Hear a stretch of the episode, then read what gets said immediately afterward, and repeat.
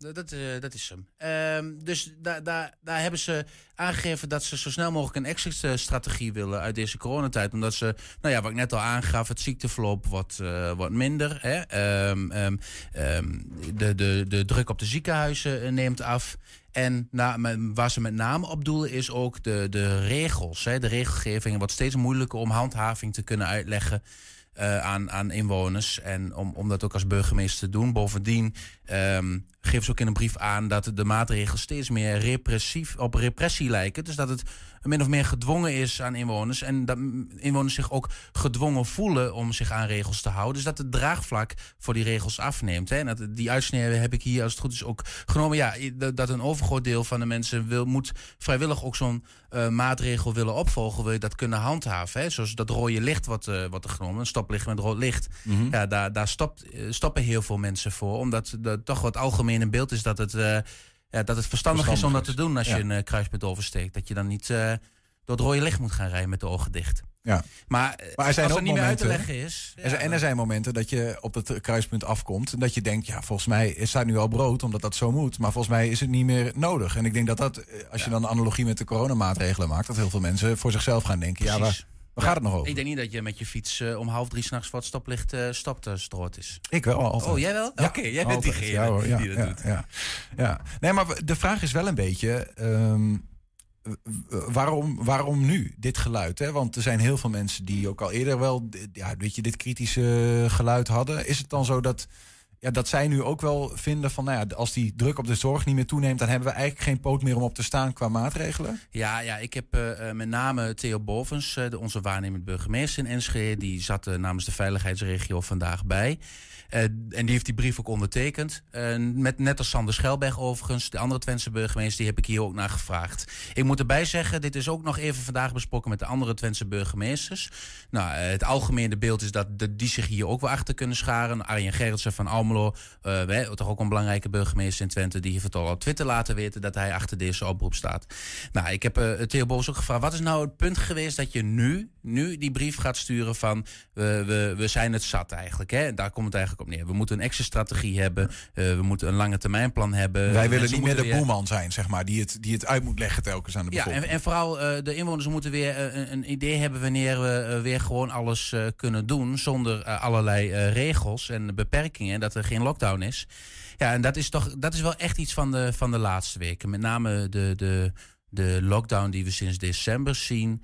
Um, en wat daarna is gebeurd. Kijk, in eerste instantie, het is niet zo dat, dat, dat ze zich nou uitspreken tegen, tegen die lockdown. Maar wel wat de afgelopen week is gebeurd. Dat sectoren bijvoorbeeld wel open mogen. Zoals nu de winkels, die mogen dan open. Mm -hmm. Maar de horeca moet gesloten blijven. Nou, daarvan zegt Theo Bovens, hè, dat doet hij vooral op persoonlijke titel als burgemeester ook. Ja, misschien moet je dan, had je die sectoren helemaal niet. Uh, en dat is ook een beetje het, idee in, in het veiligheidsberaad. moet je niet uh, die sectoren apart openen. Dan had je gewoon alles moeten opengooien. En dan, als je dat nog wil, binnen bepaalde tijden. Dat je nog een tijd aan hangen. Tot ja. acht uur s'avonds alles open. Ja. Meer gelijkheid. met uh, maatregelen. Meer gelijkheid daar ook ja, in. Ja. ja. Ik zie hier trouwens een opmerkelijke reactie, lijkt ook van, uh, dit is van Theo Boos op Twitter. Ja, want dit, dit is dus ook inderdaad waarom hij nu ook vindt dat de, dat de tijd daar vooruit begint te raken. Gisteren is natuurlijk de horeca-actie geweest. Hè. Um, hier heette dat Kapsalon um, Theater.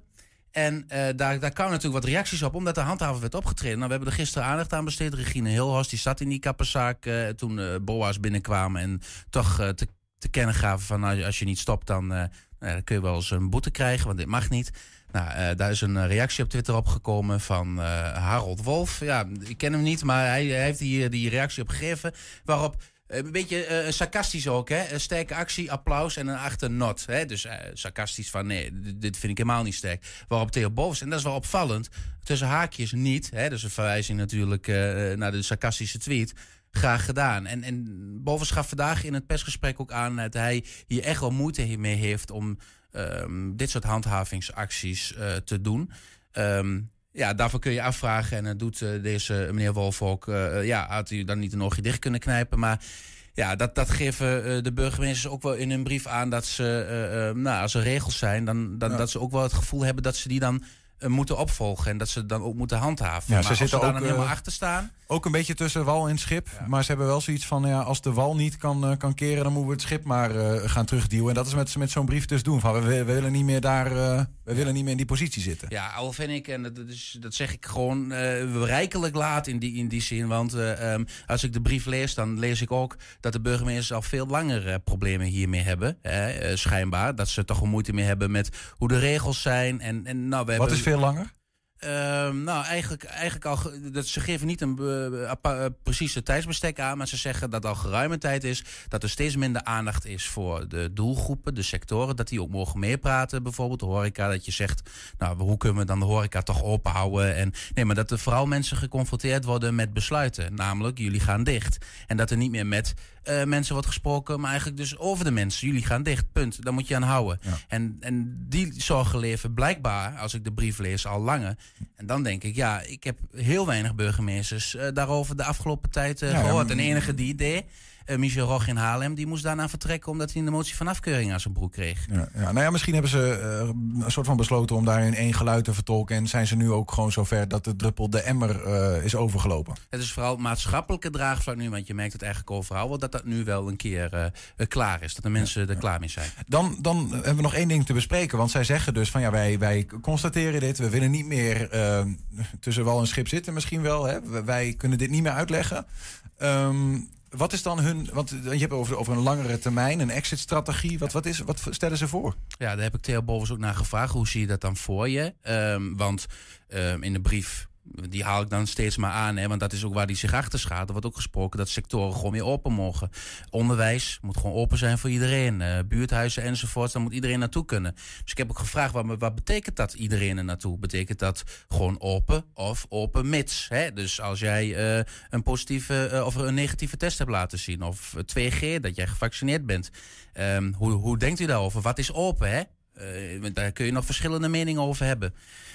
En daar laat hij zich eigenlijk niet eh, echt over uit. Hij, volgens hem is daar binnen de gemeente ook geen eenduidig eh, idee over. Dat, daar hebben ook burgemeesters verschillende ideeën over. Hij zelf laat zich daar verder dus ook niet over uit. Hij vindt wel dat sectoren daar zelf mee moeten komen. Dus om maar wat te zeggen, als de bioscopen open willen, dat de bioscopen zelf zeggen, nou wij willen open en wij willen dat op deze manier doen. Dat is open voor iedereen. En moet je dan nog anderhalve meter afstand houden. Eh, Dat, Ja, eh, ja, ja, ja. Dus de, de, de, Maar- maar de kom branches met moeten met, met goede Ja. plannen komen. Ja, die heb ik volgens mij ook wel eens eerder gehoord hoor. Dat, Ja. Dus ja, ik denk dat die plannen ook wel op de plank liggen. Want die branches willen natuurlijk niks liever dan open zijn. en, en tegelijkertijd zegt Bovens ook, en zo, zo is het denk ik ook wel, dat, dat het kabinet uiteindelijk het beleid bepaalt. En als het kabinet zegt dat de anderhalve meter regel kan worden losgelaten, dan kan dat ook. Overigens geeft Bovens tot slot ook nog wel aan dat eh, de grensregio in een, in een volgens hem wel een wat rare situatie zit. De burgemeester van Maastricht heeft zich daar schijnbaar over uitgesproken in een brief. Dat ehm, in Duitsland mogelijk st- eh, nog steeds sprake is van een 2G-plus beleid. Hè? Dus dan moet je en gevaccineerd of genezen zijn. En een positieve, of Ja. een negatieve, zeg ik het weer, een Ja, negatieve negatieve test ja, eh, eh, laten zien. Ehm, en wat betekent dat? Als wij hier alles opengooien, hè, de horeca, gaan dan al die mensen die in eh, horeca in Duitsland niet terecht kunnen, gaan ze dan hier de grens over? En wat betekent dat voor de eh, besmettingscijfers? Ja. Ehm, maar dat is de zorg van eh Bovens. Ja, ja, snap ik. Ehm, we, gaan het, eh, we gaan het meemaken. Er, er zal een reactie eh, gaan komen of niet. Maar in ieder geval eh, is het signaal vanuit de burgemeesters wel, wel duidelijk. En die wordt blijkbaar ook steeds Ja, sterker. nou, om het zo te zeggen, 25 januari zal er weer een persconferentie zijn. En ze willen, dat, dat vragen ze dus ook. En Bovens ook heel nadrukkelijk. 25 januari, de persconferentie, moeten Rutte en, en Schuipers met een extra strategie gekomen. Wilco, dankjewel. Ja, we zijn ook als podcast te luisteren via alle bekende platforms. Je vindt daar de hele uitzendingen, maar ook elke dag één item uitgelicht. 120. 120 vandaag. Het Hengeloze bedrijf Ultrasun International dinkt met de Viro Power, of Viro Power, ik weet het niet, we gaan het zo horen, mee naar de KVK Impact Award. Een door de Kamer van Koophandel uitgeschreven prijs voor bedrijven die in de crisistijd het hoofd boven water hebben weten te houden. Dankzij een slimme vinding met maatschappelijke impact. Bij ons aan tafel is een mededirecteur van Ultrasun, hij is eh, Tim Leusink. Tim, welkom. Ja, dankjewel. Ehm, wat is het trouwens Viro Power? Ja, wat jij wil, Viro Power. Nou, inmiddels wordt ook eh, internationaal al heel veel verkocht. Dus daar is het meer de Viro Power. Oké, nou we gaan lekker op z'n Twents, gewoon Viro Power. Ja, Viro Power, dat is helemaal goed. Wat is het voor? Jij hebt hem meegebracht. Ik heb hem meegebracht. Het is een, eh, een apparaat van pak een beet eh, een goede meter hoog en wat is het, 40, 50 centimeter breed. Ja, ja meter, iets meer dan een meter hoog, eh 40, 50 centimeter breed, een kilo of 20 zwaar. Het is een eh, mobiele luchtreiniger. eh, met als eh, unieke eigenschap dat er gebruik wordt gemaakt van UVC-licht. En UVC-licht heeft een hele mooie eigenschap, wordt onder meer al 60 jaar gebruikt bij het zuiveren van water, dat het virus en bacteriën kan doden. Mhm. En eh, ja, daarmee zijn wij dus genomineerd voor de Kamer van Koophandel Impact Award eh, voor dit jaar. Oké, dus hier zit een eh, UVC-licht komt hier eh, uit. ja. Eh, en, en er zit nog een extra filter, een HEPA-filter Ja, in nou, het geloof ik licht ook, komt er niet uit, want de eigenschap van UVC-licht is virus en bacteriën door. Dus daarnaast ook vrij gevaarlijk, eh, mocht het op je huid komen. Kijk, Oh. Wij van Ultrasun werken al ruim 50 jaar met eh, UVA en UVB-licht, waar je dus een lekker kleurtje van eh, krijgt. Aha. Maar UVC-licht is een ander deel van het eh, UV-lichtspectrum. En dat wordt tegengehouden door de ozonlaag, maar is vrij gevaarlijk. Daarom hebben wij een apparaat ontwikkeld waar dat UVC-licht niet uitkomt, maar wel tegen virussen en bacteriën zijn werk kan doen. Ja, ja, en dat gebeurt daar allemaal binnen Ja. in dat eh, ding. En Moet ik dan zo zien dat, dat de lucht, als je hem aanzet, zeg maar, wordt aangezogen, daarin verdwijnt, Ja. wordt gefilterd en weer wordt uitgeblazen? Moet- Exact, exact. De lucht wordt uh, aangezogen. Ik weet niet of het zichtbaar is, of ik kan het in ieder geval aan jullie uitleggen. Aan de achterkant wordt het eh, aangezogen door een tweetal filters. Allereerst door een stoffilter om de grove deeltjes alvast voor te filteren. Daarachter zit een, eh, een cartridge met een eh, HEPA-filter, zodat ook eh, ongewenste pollen, huisdier, dat Als je soort hooikoorts hebt, dan ben je Ja, ook goed. Absoluut, absoluut. En ja, binnenin, that, that's where the magic happens. Daar zit een grote bak van ongeveer een eh, 70, 80 centimeter lang. Met zes eh, sterke UVC-lampen. Hmm. En eh, daar dwarrelt de lucht doorheen. En komt zo in contact met dat UVC-licht. Ja, ja. En, en eh, hoeveel, zeg maar, hoe effectief is dat dan? Bijvoorbeeld, stel dat je dit in een ruimte zet en, en er, komt, er is een coronavirusdeeltje en het komt daar terecht. Ja, wij mogen 99,99% mogen wij zeggen. 100% mag je nooit claimen. Maar dat mogen wij zeggen dat dat effectief gekild wordt. Oké, Ja. oké. En hoeveel lucht kan die reinigen per eh, tijdseenheid? Hoe, hoe, hoe Nou, hij heeft een, eh, een vermogen van 300 kub per uur. Eh, gemiddeld genomen adviseren wij dat voor ruimtes van eh, 100 tot 120 vierkante meter. Ja, ja, oké. Dus een, een klaslokaal kan er prima mee, mee gereinigd worden. Ja, de, de- en een klaslokaal moeten we dan voor ons zien met zo'n ding. Ja, wat kost zo'n ding eigenlijk? Ja, als je bij mij komt en zegt Tim, ik moet een, een Viropouw hebben, dan hanteren wij een, eh, een standaardprijs van eh 2295 euro ex-BTW. Ja, Ehm, moet ik wel bij zeggen, eh, bijvoorbeeld de UVC-lampen die gaan ruim drie jaar mee. Daar hoef je niet naar om te kijken. Ongeacht eigenlijk hoe vaak je het gebruikt. Gemiddeld zo'n acht uur per dag. Mhm. Ehm, het HEPA-filter dient om de 10 à 12 maanden vervangen te worden. Ja, en eigenlijk heb je dan een vrij eh, onderhoudsvrij apparaat Ja, voor ja. al die periode. Ja, ik, ik, ik, vraag dat ook niet omdat we een soort van commercial aan het maken zijn, maar wel omdat dit, dit natuurlijk een, ehm, een mogelijk middel uit de crisis eh, kan zijn. Ik bedoel, je, je hebt ook je hebt wereldwijd mensen die hierin geïnteresseerd zijn, right? Absoluut. Op dit moment eh, zeer goede business in Thailand, Nieuw-Zeeland, Duitsland, Engeland, Frankrijk. Ehm, ik heb net vanochtend contact gehad met onze FDA-consultant in Amerika. Dat hij daar door de keuring gaat komen. Mhm. Dus ja, dan eh, heb je Amerika en Canada kan je ook toevoegen. En in die landen zijn dit soort apparaten al veel meer gemeengoed. Ja. Het, het, het, het verhaal wat erachter zit is ook wel interessant. Want je noemde dat al even. Jullie hebben veel ervaring met UV-licht. Maar Ja. dat komt omdat je initieel gewoon... Hè, het het bedrijf heet ook Ultrasun, geloof ik. Ja. eh, zonnebanken Ja, maakt. bes- bestaat al sinds 1974. Hengeloos bedrijf. Opgericht door Willem Fabels. Ehm, ja, een van toch wel de toonaangevende bedrijven eh, tegenwoordig op het gebied van professionele bruiningsapparatuur, maar ook lichttherapie.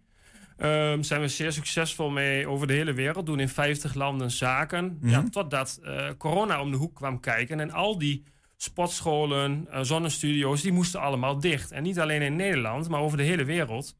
En toen zakte ineens in maart 2020 zakte de handel met 60 tot 80 procent weg.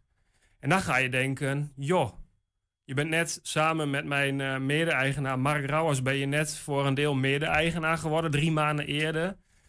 Eh, dat heeft ook een aardig centje gekost. Heb ik weer, dacht jij? Ja, maar ja, niet weer. Kijk, ik was heel blij met de mogelijkheid om, om, om, om eh, het bedrijf waar ik het vak heb geleerd, om daar ook mede-eigenaar van te kunnen worden.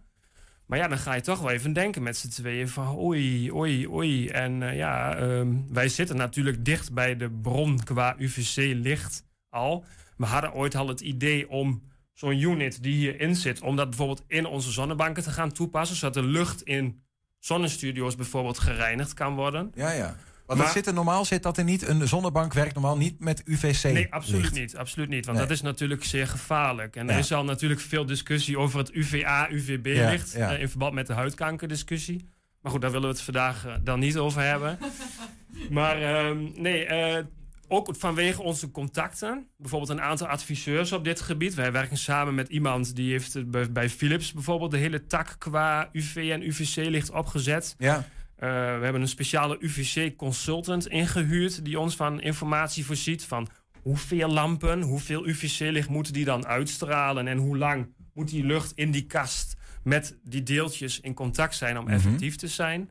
Eh, het apparaat is door de TUF gekeurd, ja, ja, et cetera, et cetera. ja, ja, ja. Maar jullie waren dus al wel zeg maar, op de hoogte van het, de reinigende werking van UVC-licht. Zeg Ja. maar. Ja, het wordt al meer dan 60 jaar bijvoorbeeld gebruikt bij de waterzuivering. Was het, was het voor jullie dan ook... ehm, want aan de ene kant zie je dus van... eh, je ziet de boel inklappen. Ja. Aan de andere was, was daar meteen het idee... misschien kunnen we lucht filteren?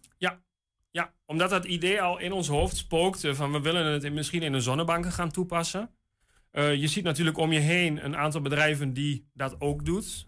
Ik noem bijvoorbeeld een conculega eh plasmameter uit Staphorst. Is ook veel in het nieuws geweest met de scholen in Staphorst die zij van filters hebben voorzien. Mhm. Ik ken die firma vanuit een andere periode eh, toen ik in de ja, wat meer in de keuken gerelateerde business zat. Eh, zij komen vanuit de afzuigkappen, dus ook vanuit het Ja, luchtreinigen. En is dat dan, is het, eh, eh, ja, we, we, zijn inmiddels allemaal een beetje amateur-virologen. En we Ja. hebben allerlei varianten gezien. Tegenwoordig Precies. hebben we de Omicron. Is dat, geldt dat voor al, alle soorten? UVC-licht maakt geen onderscheid in welke variant het is. precies. En eh, als met een aantal maanden weer een andere variant de kop opsteekt, dat maakt voor UVC-licht niks uit. Ja. Hoe hebben jullie dan gekeken naar de discussie? want, want je hebt dan voor jezelf een idee, ja, dit is gewoon een oplossing. Maar het heeft nog best wel lang geduurd voordat dat hele luchtfilteringsding zeg maar, werd omarmd. Hè? Zo Ja. van dat, dat lijkt me dan ook wel een beetje irritant. Nou ja, we zijn in maart eh, direct daarmee begonnen. En in april eh, met de echte ideeën. Eh, toen zijn we het gaan uitwerken in 2020. Hebben we er in de, in de zomer ongeveer rond augustus hadden we de eerste prototypes. Nou, die hebben we getest. We hadden daar een hele goede partner in gevonden. Dat is eh, COVID Test Nederland. Nou ja, waar natuurlijk de hele dag mensen in en uitlopen, mogelijk wel dan niet besmet. Zeer tevreden met onze apparaten. Eh, 27 vestigingen gehad in Mhm. Nederland. En ehm, natuurlijk ook met wat hulp eh, van media-aandacht, zoals we vandaag ook hebben, eh, heeft dat een hele vlucht genomen. En waar we eigenlijk eerst dachten van, joh, dit is, helpt ons door de crisis, totdat de zonnebankmarkt weer aantrekt. Nee, is de Viropower inmiddels echt voor ons ook een stukje core business geworden. Ga je nog wel zonnebanken maken?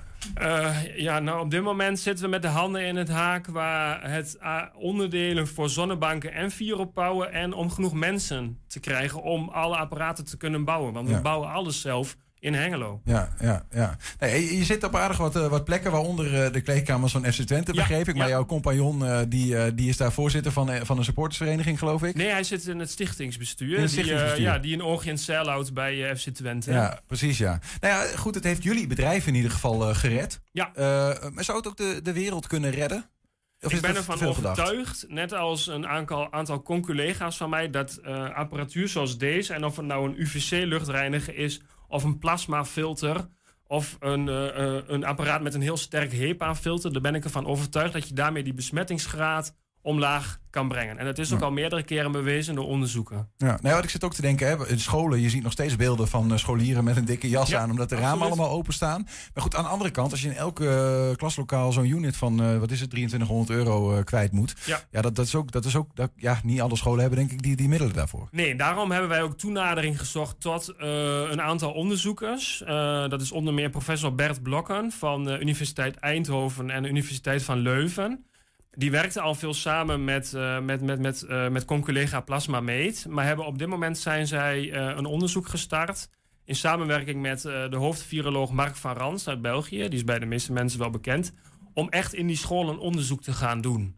En op dit moment uh, zijn er uh, scholen die zich daarvoor aan kunnen melden. België zit inmiddels al helemaal vol, maar in Nederland kan nog aangemeld worden. Onder andere drie scholen uit Hengelo doen eraan mee. Mhm. Um, en zij zijn dus uh, luchtreinigers aan het selecteren. En ja, wij zitten op dit moment in de laatste selectiefase. Onder meer Philips is al geselecteerd. Ja, goed, een, ook een wereldwijde multinational ja. natuurlijk. En uh, op het moment dat Viropower daar ook groen licht voor krijgt, gaan wij dus meedoen in die testen binnen die klaslokalen. Maar dat gaat er dus om van hoe kunnen we zo kostenefficiënt mogelijk ja. middelen verzinnen om dat daar gefilterd te krijgen. Precies. Um, we gaan langzaam naar, naar, het einde toe. We moeten nog even over die uh, Impact Award spreken. Ja, want, want, daar ben je voor genomineerd ja. bij de laatste vijf van daar de, van de Kamer van Koophandel. Ja. Was je al mee bekend überhaupt met dat die prijs? Nee, kijk, we zijn al een paar jaar bekend, of jaren al bekend met de Innovatie Top 100 van uh, de Kamer van Koophandel. Hebben we ook al een paar keer ingestaan. Helaas niet gewonnen. Um, maar de, K, uh, de KVK Impact Award is in het leven geroepen tijdens de coronacrisis. Dus eigenlijk nog een vrij jonge prijs. Eerste keer is die uh, vorig jaar uitgereikt. Voor bedrijven, producten, instellingen die uh, tijdens de crisis hun reguliere business weg zagen vallen en creatief, flexibel ergens anders op in zijn gesprongen. En ook zo hun bijdrage hebben geleverd. Ja. Nou ja, daar zijn jullie wel een schoolvoorbeeld van bijna, toch? Ja, nou ja, weet je, aan de ene kant uh, heel mooi zakelijk gezien. Aan de andere kant, ja, wij hebben 25 man aan het werk en die wil je ook graag aan het werk houden. Je hebt daar de verantwoordelijkheid voor. Plus dat je met dit product een bijdrage kan leveren aan de weg uit die crisis. Ja, ja. Hoe zie je je kansen? Ja, uh, om te winnen. Um, ik denk wel heel groot. En dat hebben we mede te danken aan de exposure die we hier ook lokaal krijgen. Dus ook dank aan jullie. Um, maar ook zeker aan het internationale netwerk wat wij hebben. Ja. En ik gun de anderen uh, natuurlijk ook de prijs, maar liefst win ik hem natuurlijk zelf. Ja. wij in Twente hebben graag prijzen. Uh, winnen we ook regelmatig. Dus uh, ik, ik sta er volledig achter. Hoe kunnen wij jullie een handje helpen? Nou, je kan op de site van de KVK Innovatie Top 100 kijken. maar het makkelijkste is om op viropower.com slash stemmen. En daar kan je met één klik uh, naar de stempagina gaan. Kijk. En uh, je stem uitbrengen. Nou, ga dat doen. En wanneer hoor je dan uh, meer? Nou, je kan tot volgende week donderdag stemmen. En de week erop is er een, een online grote meeting. Ook vanwege die innovatie top 100. En daar wordt ook de Impact Award uitgereikt. Precies, en dat heeft dan weer allerlei positieve spin-off ja. voor gevolg. Ja. Uh, wie weet spreken we daar later nog over. Voor nu in ieder geval uh, Tim Leusing, dank voor, uh, voor de uitleg, voor een mooi apparaat. En Ja. nou ja, wie weet win je die prijs. En anders dan is het sowieso een ding waar we hopelijk nog meer uit die shitzooi komen. Nou ja, super bedankt dat ik hier mag zijn in ieder geval, om het uit te leggen. Graag gedaan. Ja, straks een uh, hengeloze scholieren die zamelen truien in voor bewoners noodopvang Vliegveld Twente. En heb je een tip voor de redactie? Mail dan even naar uh, info-120.nl 120. 120 vandaag. DJ Martin Garrix die tekende toen hij net 16 jaar oud was geworden... een contract bij platenmaatschappij Spinning Records... en manager Music All Stars. Martijn Garritsen, zoals zijn echte naam luidt, was toen nog relatief onbekend. Daarna veroverde hij de hele wereld met zijn elektronische dansmuziek.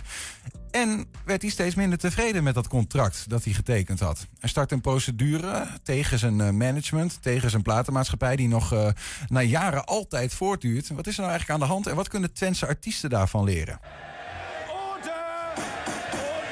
Rechtspraak met Damstee Advocaten. We gaan erover praten met uh, Arjon Tiemann. Welkom Arjon. Dankjewel. Waarover is uh, Garrix nou zo ontevreden eigenlijk? Um, nou, over een paar dingen eigenlijk. Uh, althans, hè, um, als we die rechtszaak doorspitten, want die duurt al een tijdje. Um, die is niet gisteren begonnen, hè, maar misschien al, ik denk ongeveer in 2013. En dat komt omdat hij eerst bij de rechtbank is gekomen. Nou, hè, dan, is een van de partijen ontevreden, die gaat in hoger beroep. En als die hele procedure is doorlopen, uh, is nog weer iemand ontevreden en die gaat naar de Hoge Raad, de hoogste instantie die we hebben. En dat begint er eigenlijk mee dat Martijn, om hem zo maar even te benoemen, hè, um, ontevreden is over um, twee onderdelen in zijn contract. Um, dat is één, dat er een aantal onredelijke bepalingen in staan. Zo zegt hij van ja, maar ik heb een, een, een afspraak gemaakt over welke opbrengsten ik zou krijgen. Nou, wat was die regeling nou? Uh, van alle opbrengsten die ze zouden hebben, daar zouden ze de kosten afhalen. En wat er dan nog overbleef, dan zouden ongeveer 30% uh, naar de DJ gaan en de rest naar de platenmaatschappij. Mm. Ehm, en twee was dat de platenmaatschappij ook na, eh, na een aantal jaren, want zo'n contract dat loopt twee jaar, hè, je zit twee jaar aan elkaar vast, ehm, zonder enig overleg tegen hem zou kunnen zeggen: wij verlengen het contract voor nog twee jaar. Dus je zit er nog twee jaar aan vast.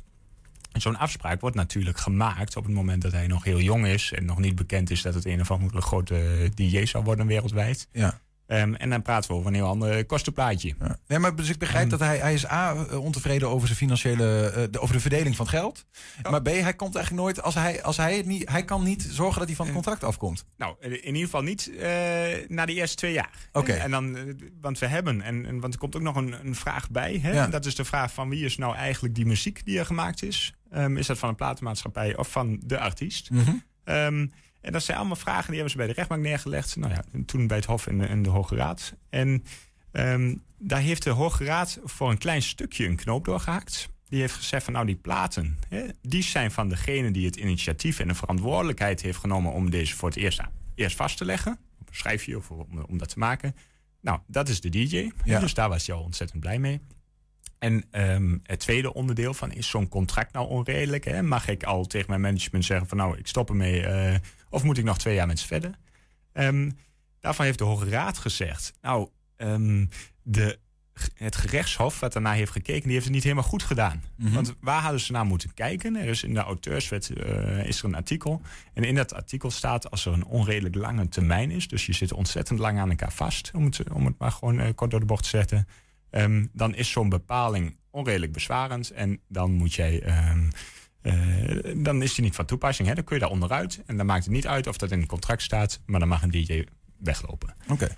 Ehm, wat was nou het geval? Eh, daar hebben ze natuurlijk een heel goed verhaal bij. Want die advocaat van, van de DJ die zegt... nou, eh, ik heb een, een, een contract gesloten toen ik net 16 was. En ja, wij wisten nog helemaal niet hoe de toekomst ging lopen. En op dat moment leek het heel redelijk... dat ik eh, nou, twee jaar daar zou blijven... en dan misschien nog wel twee jaar verder zou zijn. Eh, maar nu wij de miljoenen met, met een hark naar binnen moeten schuiven... ehm, ja, is een termijn van twee jaar wel heel erg lang. Normaal maak je dan nieuwe afspraken. Ja, maar goed, het, is ook, het, het, voelt ook wel een beetje opportunistisch, zeg maar. Hè? Want je, je, in de eerste instantie tekent hij een contract. En daar, dat is ook een soort van springplank. Hè? Dat biedt weer Ja. misschien een netwerk of een weet ik veel wat er allemaal Ja, zo'n platenmaatschappij klopt. kan bieden.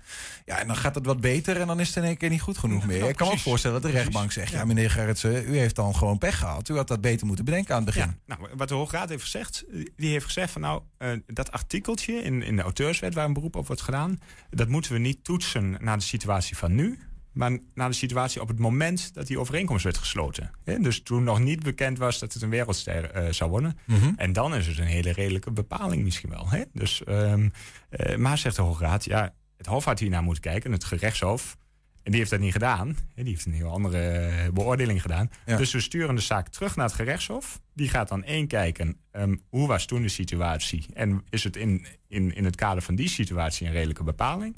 Zo ja, nou, dan heeft Mountain Kerks pech. Ehm, zo nee, nou, dan gaat de platenmaatschappij er vandoor. En het tweede is dan ehm, eh, dat de, eh, als die bepaling bij toepassing moet worden gelaten, dan is er ook nog zoiets als de algemene redelijkheid en billijkheid.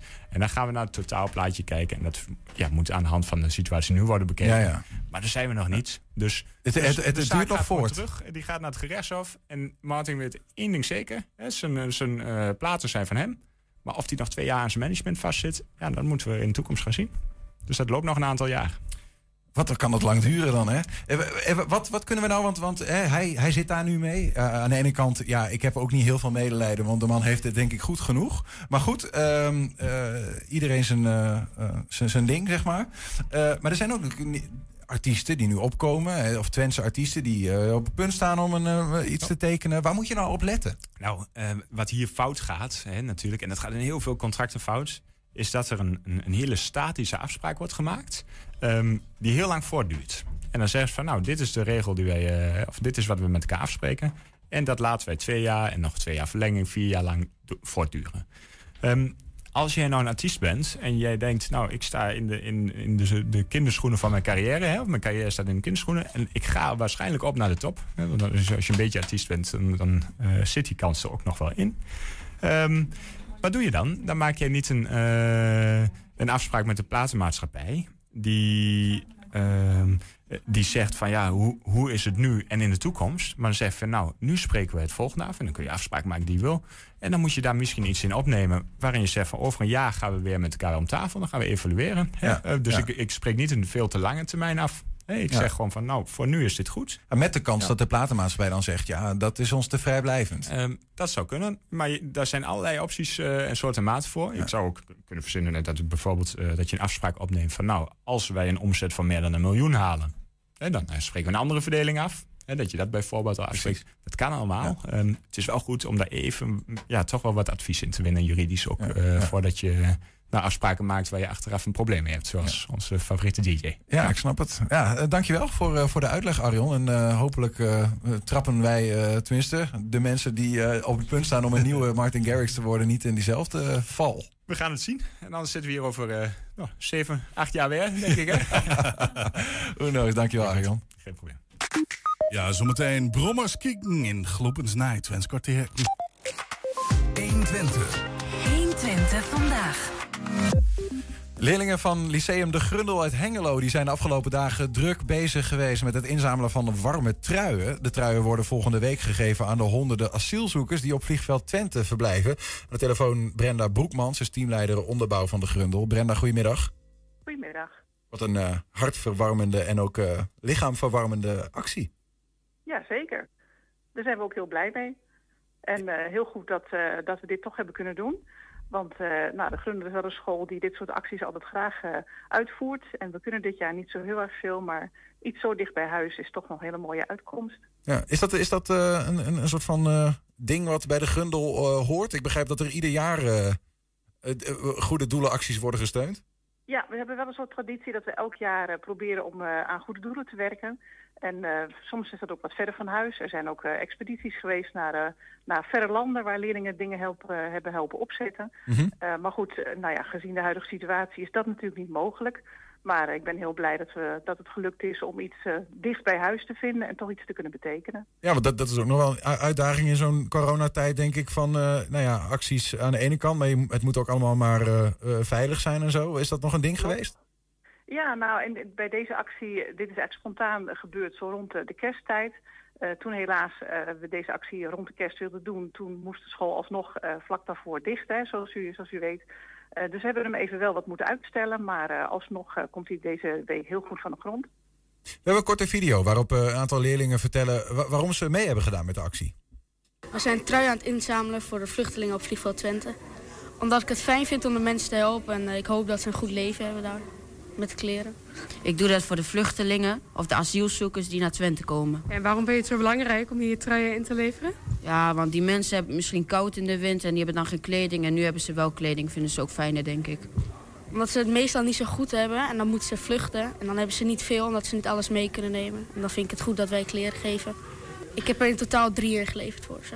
Ik heb er twee ingeleverd die ik gewoon niet meer gebruikte. En die dacht ik, ja, die kunnen hun wel hebben.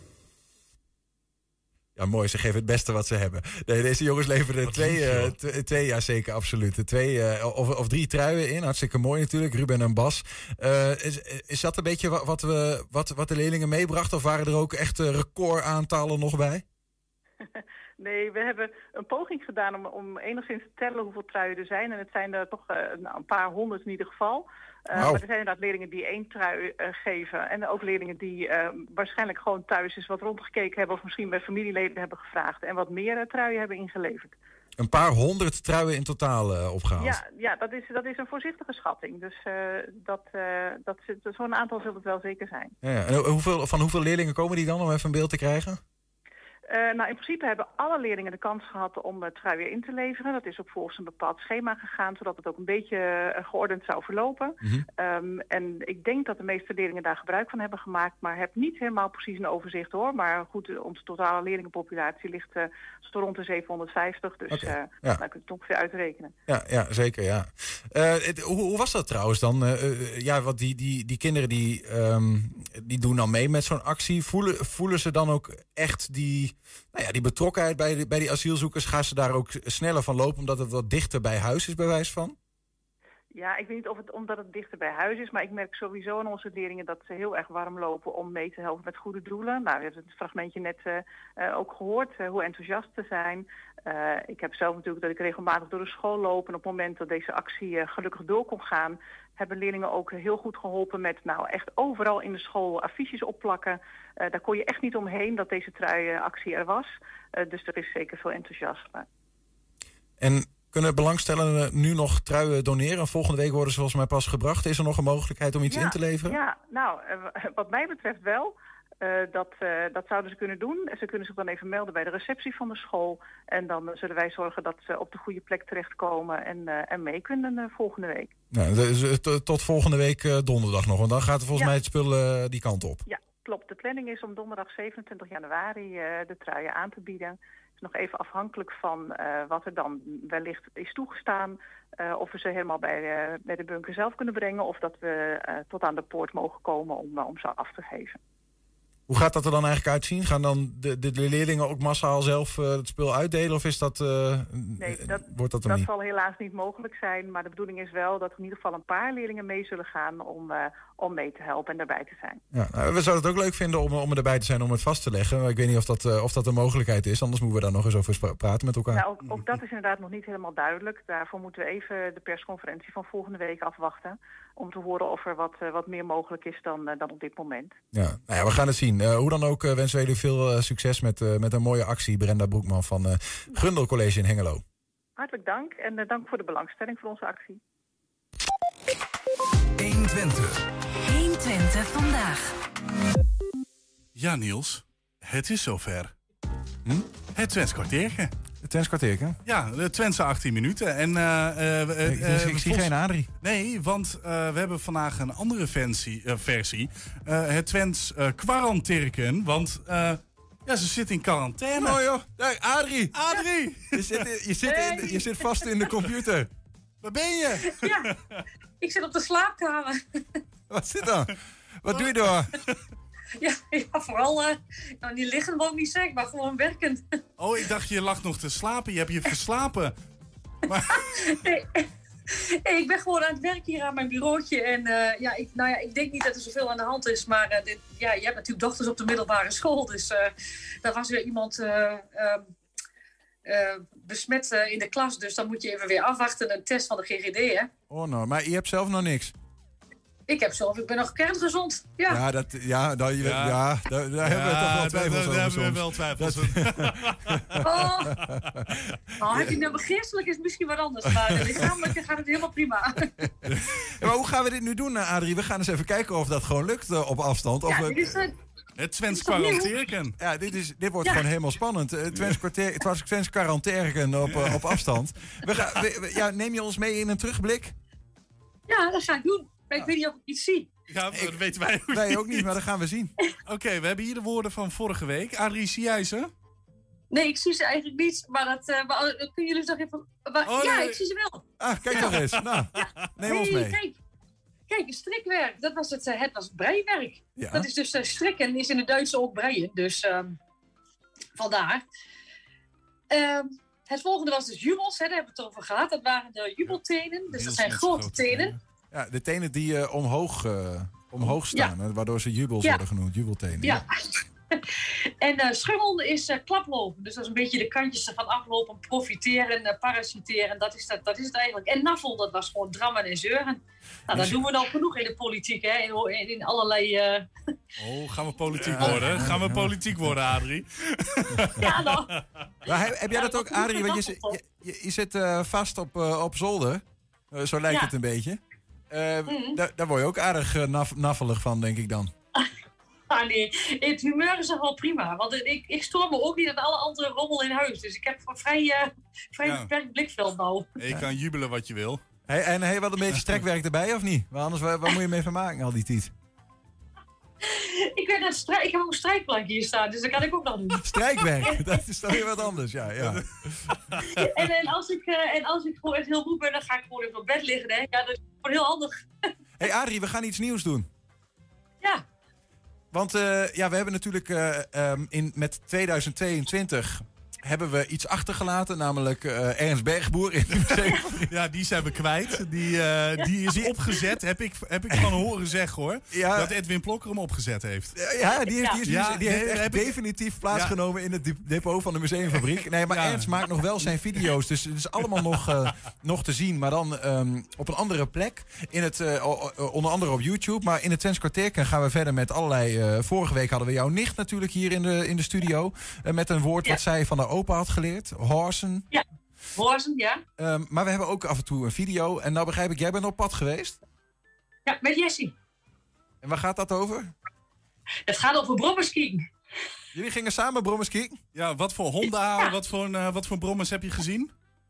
Oh, van alles. Maar het waren eigenlijk meer scooters. We waren wel tot de conclusie gekomen dat de echte brommer bijna uit het straatbeeld is verdwenen. En dat is wel Oh, jammer. Oké, dus Voor je de zag, je, je zag geen mooie poegjes en eh, eh, de, de Tomos en de geen, Solex. eh, En de, Moeten we natuurlijk niet allemaal weggeven, want we gaan de video nog kijken. ja, ik heb geen Ja, idee waar dat- het over gaat. Ik Nou. ben benieuwd.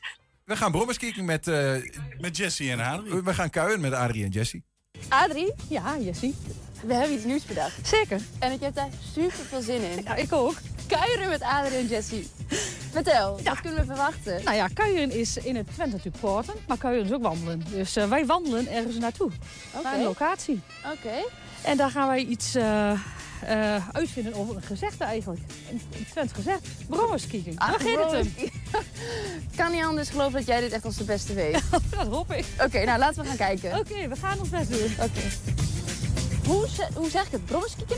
Gooi met brommerskieken. Gooi met, met brommerskieken. Ja, gooi met brommerskieken. Trekkers hadden ze ook wel. Ze kwamen ook op de trekken. Gooi met trekskiek. Nou ja, dat zei je dan niet, maar... Nee. ehm, Maar het trok wel. ja, een echte vent was het. Ach, zo. Heel merk, hè? Ja. Oh, is het? Ja. Nou, de brommers. Kijk dan. Scooter, scooter, scooter. Waar is de tijd? Waar is de brommer? Ja, ik weet het niet. We gaan de andere kant proberen. We gaan de andere kant proberen. Ja, maar de tijd verandert, hè. Het is natuurlijk ook wel een soort eh, metafoor voor zo'n avond. Die ging niet elke avond brommers kieken. Dat was niet elke keer eh, raak natuurlijk. Oké. Of we hem dan nog eindelijk vinden of niet. Kijk. Ga je mee naar boven? Dat zou ook kunnen zijn van... eh je zou er bijna wat van denken. En Adrie? Niks. Heb je hem gevonden? Nee. Ga je weer naar boven dan? Ja, nou, Nou, ja, we hebben hem hier niet Nee. gevonden. geen brommer. Geen brommen, helaas. Maar ik wil nog wel één ander dingetje aankaarten. Ik vind dat je voor onze allereerste aflevering er Ja. fantastisch uitziet. Ja, nou, maar dit is de jas eh, die mijn moeder heeft gekocht in 1974 in de tijd van brommers kieken. Toen, toen ben ik geboren. Eh, Ja. Toen had ze al lang brommers gekeken natuurlijk, hè, want eh naar aanleiding daarvan ben ik denk ik eh, geboren. Aha. En eh, ja, dat is gewoon een eh stelvaste jas. Ja, Nou, dat zeker. Daar, daar kan ik niet omheen. Absoluut. maar vertel me iets meer over dat brommerskieken. Brommerskiek, ja.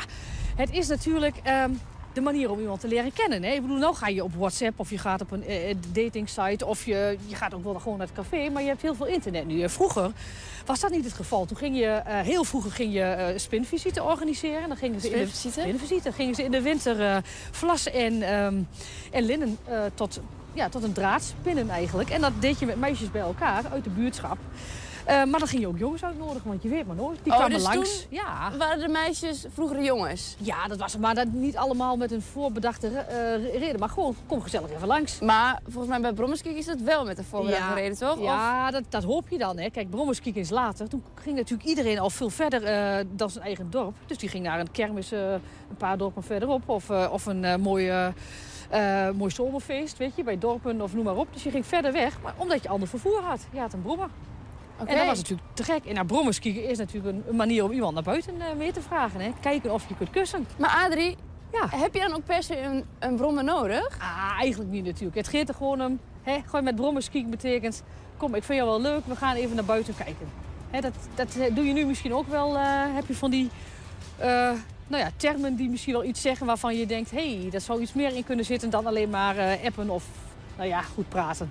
Dat, daar gaat om met brommerskiek betekent gewoon van... ik vind jou wel leuk en eigenlijk wil ik je wel graag kussen. Oké, nou, heel logisch. Dus, kort samengevat is het niets minder dan iemand die je leuk vindt mee te nemen naar je brommen. Nou, daar ga je misschien dan wel zoenen of misschien nog wel meer. Dit fenomeen was vooral in de jaren 60 en 70 erg in trek. Erg in trek bij zomerfeesten, discotheken, tentfeesten, noem alle feesten maar op die in die tijd waren. Nu waren Arie en ik net bij het station om zo'n brommer te bekijken. Dat is helaas niet gelukt. Dus we hebben hier een afbeelding van zo'n brommer uit de jaren 60 en 70. Nu kun je, heden, 2022, dit gezegd het best vergelijken met Netflix en Chill. In principe ga je dan samen een filmpje kijken waarvan je eigenlijk de aftiteling nooit te zien krijgt. En in beide gevallen is het zo dat je eigenlijk een beetje eromheen draait. Eromheen draait om iemand mee uit te vragen. Want zeg nou zelf, het is en blijft ook eng om iemand mee te vragen om met jou iets te gaan doen.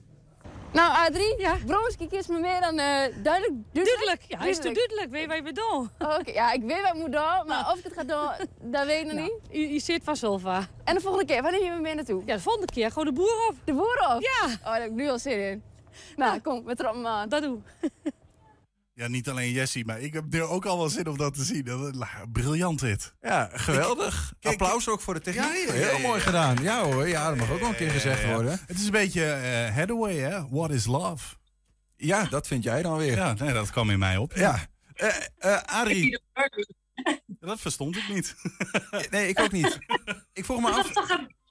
Ja. Oh, ja, dat was... Jij zei toch iets van... eh, zei je nou Hathaway? En, en dan? What is love? Ja, Baby Don't Hurt Me. Dat zingt hij dan toch? Of is dat wel een Nee, liedje? nee, nee, nee, dat, is, dat is het goede liedje. Ja, ja, we zijn op de- ook op de radio, dus dat... eh, Absoluut. Ik, ik, ik, ik heb eh, ooit nog eh, zo'n Thomas eh, brommetje gehad. Dat is nog niet helemaal de zundap. Daar moet ik dan altijd aan denken, van dat soort Mhm. buikliggers, zeg maar. Is dat, is, dat, is dat iets wat jij nog ooit ge- geprobeerd hebt, Adrie? Nee, nee, nee. Ik had gewoon een fiets. En, en ik, ik wilde heel graag een brommen. Maar mijn vader, ik heb een eh, stereotoren gekregen in een hele mooie kast. En daar zaten ook wieltjes onder. Toen zei hij, hier, hier zitten ook wel wieltjes onder. Ik, eh, eh, heel, heel kort over Brommerskieken. Ik ben van, eh, van Groningen uiteindelijk in Drenthe verzeild geraakt. En ik denk zo'n negen jaar geleden naar, naar Twente toegegaan. En eh, toen was een van de eerste dingen wat ze mij wouden leren, was Brommerskieken. En nu heb ik nooit het verschil begrepen. En dat, dat heb ik heel lang gedacht. Dat Brommerskieken en Strukduken allebei hetzelfde was. Maar dat is dus toch echt wat anders blijkbaar. Ja, je kunt van brommerskiën ook wel strucduken. eh dat, dat volgt er eigenlijk op als het goed is. Ah, oké. kijk eens aan. Het had dus wel idee. iets met elkaar te maken. Precies. Ja, Adrie, eh. Ehm, eh, we hebben natuurlijk die, die video eh, nou, gekeken omdat hij leuk is, maar ook omdat hij ons een inleiding geeft voor een nieuwe quiz. We gaan namelijk nieuwe Twentse woorden van je leren en die heb jij weer gebaseerd op nou ja, dit thema, brommerskieken. Kieken. En eh, telkens krijgen we één Twents woord te zien, drie Nederlandse betekenissen. Eén is de goede en het is aan jullie, Jan en mij, om dan te beredeneren welke de goede is. Zullen we beginnen? ja, het eerste woord is uh, pleereizer. Pleereizer. Ja. Pleereizer. En is dat dan A, is dat een motorzaag? Ja. Is dat B, oud ijzer? Wat je ergens neerpleert, wat je weggooit? Of is het C, een brommer? Ja. Een, eh, ik, Ik zou denken, eh pleren is toch ook eh, vallen? Dus een pleereizer lijkt mij een soort rollator. Dus eh, eh, een, soort zo'n stuk ijzer wat je beschermt om te vallen. Wat je ook met schaatsen zeg maar voor je, voor je houdt. Ik, Als je echt niet kan schaatsen. ik heb ooit van Maar dit staat er niet tussen? woord gehoord. Maar ik weet niet meer waar. Ik denk dat het motorzaag is.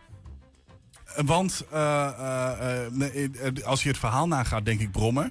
Maar ik denk dus dat ik ooit een keer dit heb gehoord. Maar dat weet ik dus niet zeker. Mhm. Dus ik, ga denk ik voor motorzagen. Pleereizer. Dat is mooi, want dan ga ik voor brommer. Want dat is Ja, nee, dan heb jij het goede antwoord. Ja. Maar dan heb ik een leuke verhaal. Want ik, denk, ik weet volgens mij bijna zeker dat het brommer is. Nou, dat vullen we in. Antwoord nummer C. Adrie, vertel het ons. Is dat goed of is dat fout? Nee, Niels, je hebt het helemaal goed. Het is gewoon brommer. Oh. Ja, en, want een motorzaag, eh, een motorzaag is een knetterbiel. Knetterbiel, dat was hem! Ja, Ja. die, die kende ik. dat was hem. Nee, eh, pleren is ook van eh, lekker pleren is gewoon een geluid maken, weggaan. Pleereizer is gewoon een, ja, een ander woord voor, voor een, ehm, een ijzeren ja, vervoermiddel wat veel geluid maakt. En waar, ja, pleereizer, ja, dat is, gewoon- ja, ik kan het niet helemaal goed uitleggen, maar het is, dat Stuk, is het, eh, stuk dat is ijzer tussen de benen en gaan. Ik snap het. Ja. Eh, Maakt het niet woord, woord 2, Adrie.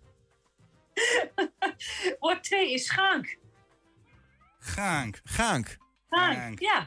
Is dat A, is dat snelheid? Is dat B, is dat gevaarlijk? Of is dat C, een hard geluid? Ja, ik, ik heb ooit eh, naar eh, de, de, de, de Zomer Voorbij serie gekeken. Dat gaat over die Volendamse muzikanten, weet je wel. Die gaan dan op vakantie. En dan zongen ze ooit een liedje. En dat ging, als, eh, eh, ging, ging over een surfplank. Surfplank, surfplank. En dan iets van, het giet niet giet, maar het gaat wel gank. Of zo. Dus het zal waarschijnlijk gaan over snelheid of gevaarlijk, denk ik. Maar welke van de tweede dan is, dat weet ik niet. Ik, ik, ik- jij bent echt een andere quiz. Ik dacht dat het C was. Dat, dat kwam in mijn hoofd als eerste antwoord naar boven. Maar Ga jij toch voor C, nee, ga ik voor B? Nee, want jij gaat dan het goede antwoord zeggen, ik het foute. En uiteindelijk ga je me pesten op de redactie. En dan moet ik een week aanhoren. Dat is ook verschrikkelijk. Eh, eh, Ik doe het met liefde. ja, nou, dat weet ik. Ik ga in ieder geval voor gevaarlijk. Oké, dan ga ik voor C. Eh, fuck it dan. Oh. Oh, dat was Oh, heel oh, snel. we gaan maar heel het snel. is- ja, eh, Het was snelheid. Ja. En je, je zegt ook wel eens, Ja. de heftige gaak te goed in. Dat betekent hij heeft de draf er goed in of hij gaat snel. oh, De gaak is een, eh, een, een- geeft een beweging aan dus. Een snelle beweging. De gang. Ja, dat is ook wel weer logisch ja. natuurlijk. Het de, ga- de gang, snelheid. Ja, ja. ja, gewoon eh, gefaald allebei. Ja, nee. Ah, aan nee doen. hoor, nee, nee. Ja, we hebben nog één, eh, één eh, kans om eh, de trots van onze families hoog te houden. Twee, hè? Ja, en een woord van de week nog. Klopt inderdaad, ja. Maar ja. Ja, nou, Oh, Nosterbreur. oh, dat klinkt mooi.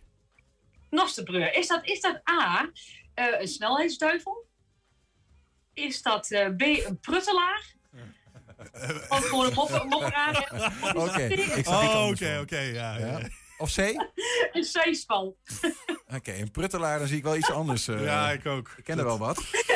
Oh, En dat zijn ook vaak broers, moet ik zeggen. Dus eh, eh, ergens voel ik daar wel... Ik ga daar gewoon voor, pruttelaar. Ja, ik, eh, ik ga dan voor snelheidsduivel. Pas lekker in het thema. Ik vind het een prachtig woord. Het is een geweldig ik heb, woord. ik heb totaal geen aanleiding om te zeggen dat dat waar is. Maar, eh, ik, ja, ik ga Maar een zijspan is ook wel nosterbreur. Een breur waarmee je samen dat op iemand, pad dat gaat. iemand naast je. Maar, ik, Maar wat betekent noster? Eh, noster naar de maaltijd. Ja. jongen, jongen, jongen. Ja, een beetje, nasten. Een beetje... Ge zullen we maar gewoon antwoord geven en dan aan Adrie vragen of zij weet wat dit betekent? Ja, misschien is dat ook de quiz, of niet? Ja. Ja. Ik vul in antwoord nummer A. Jij vindt, eh, vult B. in antwoord nummer B. Vullen wij in voor de, voor de statistiek. Ah. Ja. Oh, Het is vruchtbaar. Het is een nosteren. Dit is een beetje... eh, ja, dit doet zeer. Wat, wat, waar, waar komt dit nou vandaan? zeg het maar. Nosterbreur? Ja, no, een, een nosteren is gewoon een, is een beetje eh, een nors, eh, ehm, ja, mopperen. Ja, pr- gewoon een beetje tegensputteren, dat is het eigenlijk. En nosterbreur is gewoon een sur, surkous, een, een, een, eh, nou ja, een, iemand die tegensputtert. En dat noemen we dan een pruttelaar. Oké. Ik ja, dat is, nou ja, Hebben we- hebben al gekken, Hartstikke goed, hartstikke goed. Ik weet ook weer wat ik een aantal mensen in mijn omgeving eh, kan noemen op bepaalde momenten. Ehm Adrie, we hebben nog één woord. En eh Jessie gaat Ja. die eh, niet in de eerste instantie aan ons voorleggen, maar aan de mensen op straat. Jessie, kom er maar in. Oké, Nieuw trendwoord van de week deze week. Deze week snoetken. A, B of C, snuiten, gezichtje of sneetje brood. Ik ben heel erg benieuwd wat men denkt. Let's go. Ik denk eh A. A, snuiten. Waarom denk je dat? Ah, het lijkt wel een beetje op dat woord van, eh, dat daarboven staat. Dus Oké. Hebben we ook een gokje wagen? C? C, sneetje brood. En waarom denk je dat? Snuut of zo? Ik weet niet veel. Weet ik veel. Oké, Snuut. oké. Wil je ook nog even gokken? Eh, of weet je B. het zeker? B. B, Ja, ik weet Gezichtje. niet. Snoetken. yes. Gezichtje. Gezichtje, waarom denk je dat? Ik weet niet, doe me denken aan snoet. Toch? Ja, denk ik. A, snuiten. B, gezichtje. Of C, sneetje brood. Wat denk je wat het betekent? Eh, zo goed is mijn Twents niet. Gezichtje, denk ik. gezichtje. En waarom dan? Ik heb geen idee. Echt een wilde gok. Ja. Oké. Ja, ik meende wel dat sneetje brood wat anders betekent, maar ik weet dus ook niet wat. Dus, eh, Snutken, wat dat betekent. Snuiten, Snuiten, waarom denkt u dat? Dat valt zo mij mee. eh, Twentse woord van de week. Wat denkt u dat het betekent? Snuiten. Nee, eh, B. B, u wisselt. Waarom? Ja, ik ik kan niet goed gelezen. Het Twentse woord van de week. Het Twentse snoetken. Wat denkt u dat het betekent? Volgens mij een gezichtje. Gezichtje. En u denkt? Snoetken, gezichtje. Allebei gezichtje. Ja. Tada, tada. Snuitken. A, snuiten. B. gezicht. U zegt B? Gezichtje? Ja, dus snuiten zal het A weer, denk ik. Oké. U zegt B. Ja, Oké. Zeg je B? Ja, Een snuitje kan gezicht, ja, kan ook gezichtje weer. Ja, ja. B. Snoetken. A, snuiten. B, gezichtje. Of C, sneetje brood. Ik denk gezichtje. Gezichtje, waarom denkt u dat? Snuit, snuit. Oké. Daar link ik het aan. Gezichtje, sne sneetje brood. Sneetje brood, waarom denkt u dat? Dichterbij. Oké. Maar niet dat ik het weet. Oké. Zomaar, dichterbij. Klopt het? Snuitken. Ja. Ehm, ik heb geen idee. Dan mag je voor mij gokken. Gokken? Ja. A, snuiten. B, gezichtje. Of C, sneetje brood? Ik denk B. B, gezichtje. Ja. Gezichtje, Gezichtje. denk ik, ja. Oké, wat gok jij? Oh ja! Ja, ja, ja, ja, B. Ja, ik vond hem zelf wel vrij lastig. Ik bedoel, snuiten, gezichtje, het had voor mij allebei wel gekund. De meeste kozen voor B. Ik ben heel erg benieuwd wat jullie kiezen dan. Ja, ik weet het niet. Ik ben eh, deze hele... Het gaat over de quiz, hè? Ja, nee, ja dat weet ik. nee, ik ben naar buis. Ik ben naar buis. Ik, eh, nee, eh, laat jij maar beginnen, Niels. Zeg het maar. Wat denk Ja, jij? eh, voor, voor mij is dit gewoon. Ik voel gewoon heel veel bij B. eh, s- maar ja, snoetke zit er een beetje. Snoet. Iemand eh, snoet is toch ook een soort van. Ja, gewoon je, je, dat, dat, ja, je neus of je snoet, je gezicht. Dus ik zou dan voor eh, gezichtje, snoetke. Ja, dat Ja. zeg ik. Eh, ja, ik, ik, ik zou een sneetje brood begrijp ik ook wel. Maar ik, ik, eh, eh, ik, ik vind B ook wel een mooi antwoord. Ja, gaan we samen Gaan de we boot samen- in, of niet? Ja, nee, ik vind, ik vind, dat, eh, ik vind dat een goed idee. Hm. Vullen wij in. Antwoord nummer B. Jessie, vertel het maar. Er is maar één antwoord goed en de meesten zeiden dat dan ook. Antwoord B, gezichtje. Hè, gelukkig maar. Arie, ben je trots? Ja, heel erg trots. Zo. Ja. Wel ja. positief mijn karma binnengehaald. Mijn snuitje dat lacht, hè? Oh, mooi. Ik heb, we, we hadden ook, we, we hadden gedacht, ja, we kunnen ook eh, vandaag gewoon helemaal een potje van maken. Want je kunt ons hier toch niet slaan. Nee, dat is ook weer Nee, Oh nee. Maar dat, is niet, dat, is niet echt, dat zit niet echt in mijn aard hoor, slaan. Nee, toch? Waarom doe je dat dan altijd bij ons? Nee. Ja, ik, ik eh, is nu al drie keer gebeurd. Nee, zonder gekheid. Ik moet het even rectificeren. Adrie heeft mij nog nooit geslagen. Nee, jou niet. hey, Adrie, goed gaan hè, daar. Ja, goed van. Maar ik, ik kom de volgende keer gewoon toch echt naar Lieve zelf. Want dat vind ik veel gezelliger. Ja, dat lijkt, lijkt ons ook gezelliger. Maar het was fijn om je op Ja. deze manier toch bij te kunnen hebben op afstand. In de, Ja, deze ja, Twents quarantaine. Gaan we, gaan we Dan gaan we even, even, zwaaien, even zwaaien naar Adrie. Dag. Even doen, Iedereen op je plek waar je nu bent zwaaien, behalve als je achter het stuur zit. Dag. Ja, daarmee sluiten wij 120 vandaag af. Terugkijken, dat kan direct via 120.nl. En vanavond om 8 en 10 uur ook op televisie te zien. Zometeen kun je gaan genieten van Henk Ketting met het tweede deel van zijn kettingreactie. Veel plezier en tot morgen. 120. Weet wat er speelt in Twente. Van 4 uur. Goedemiddag, ik ben René Postma. Er zijn zoveel nieuwe coronabesmettingen dat het RIVM de aantallen niet meer goed kan bijhouden. Vandaag zijn er bijna 40.000 geregistreerd, maar er zijn er ook duizenden nog niet verwerkt. En dat is al drie dagen aan de gang. Het kabinet voorspelde al dat we door de versoepelingen naar de 80.000 besmettingen per dag gaan.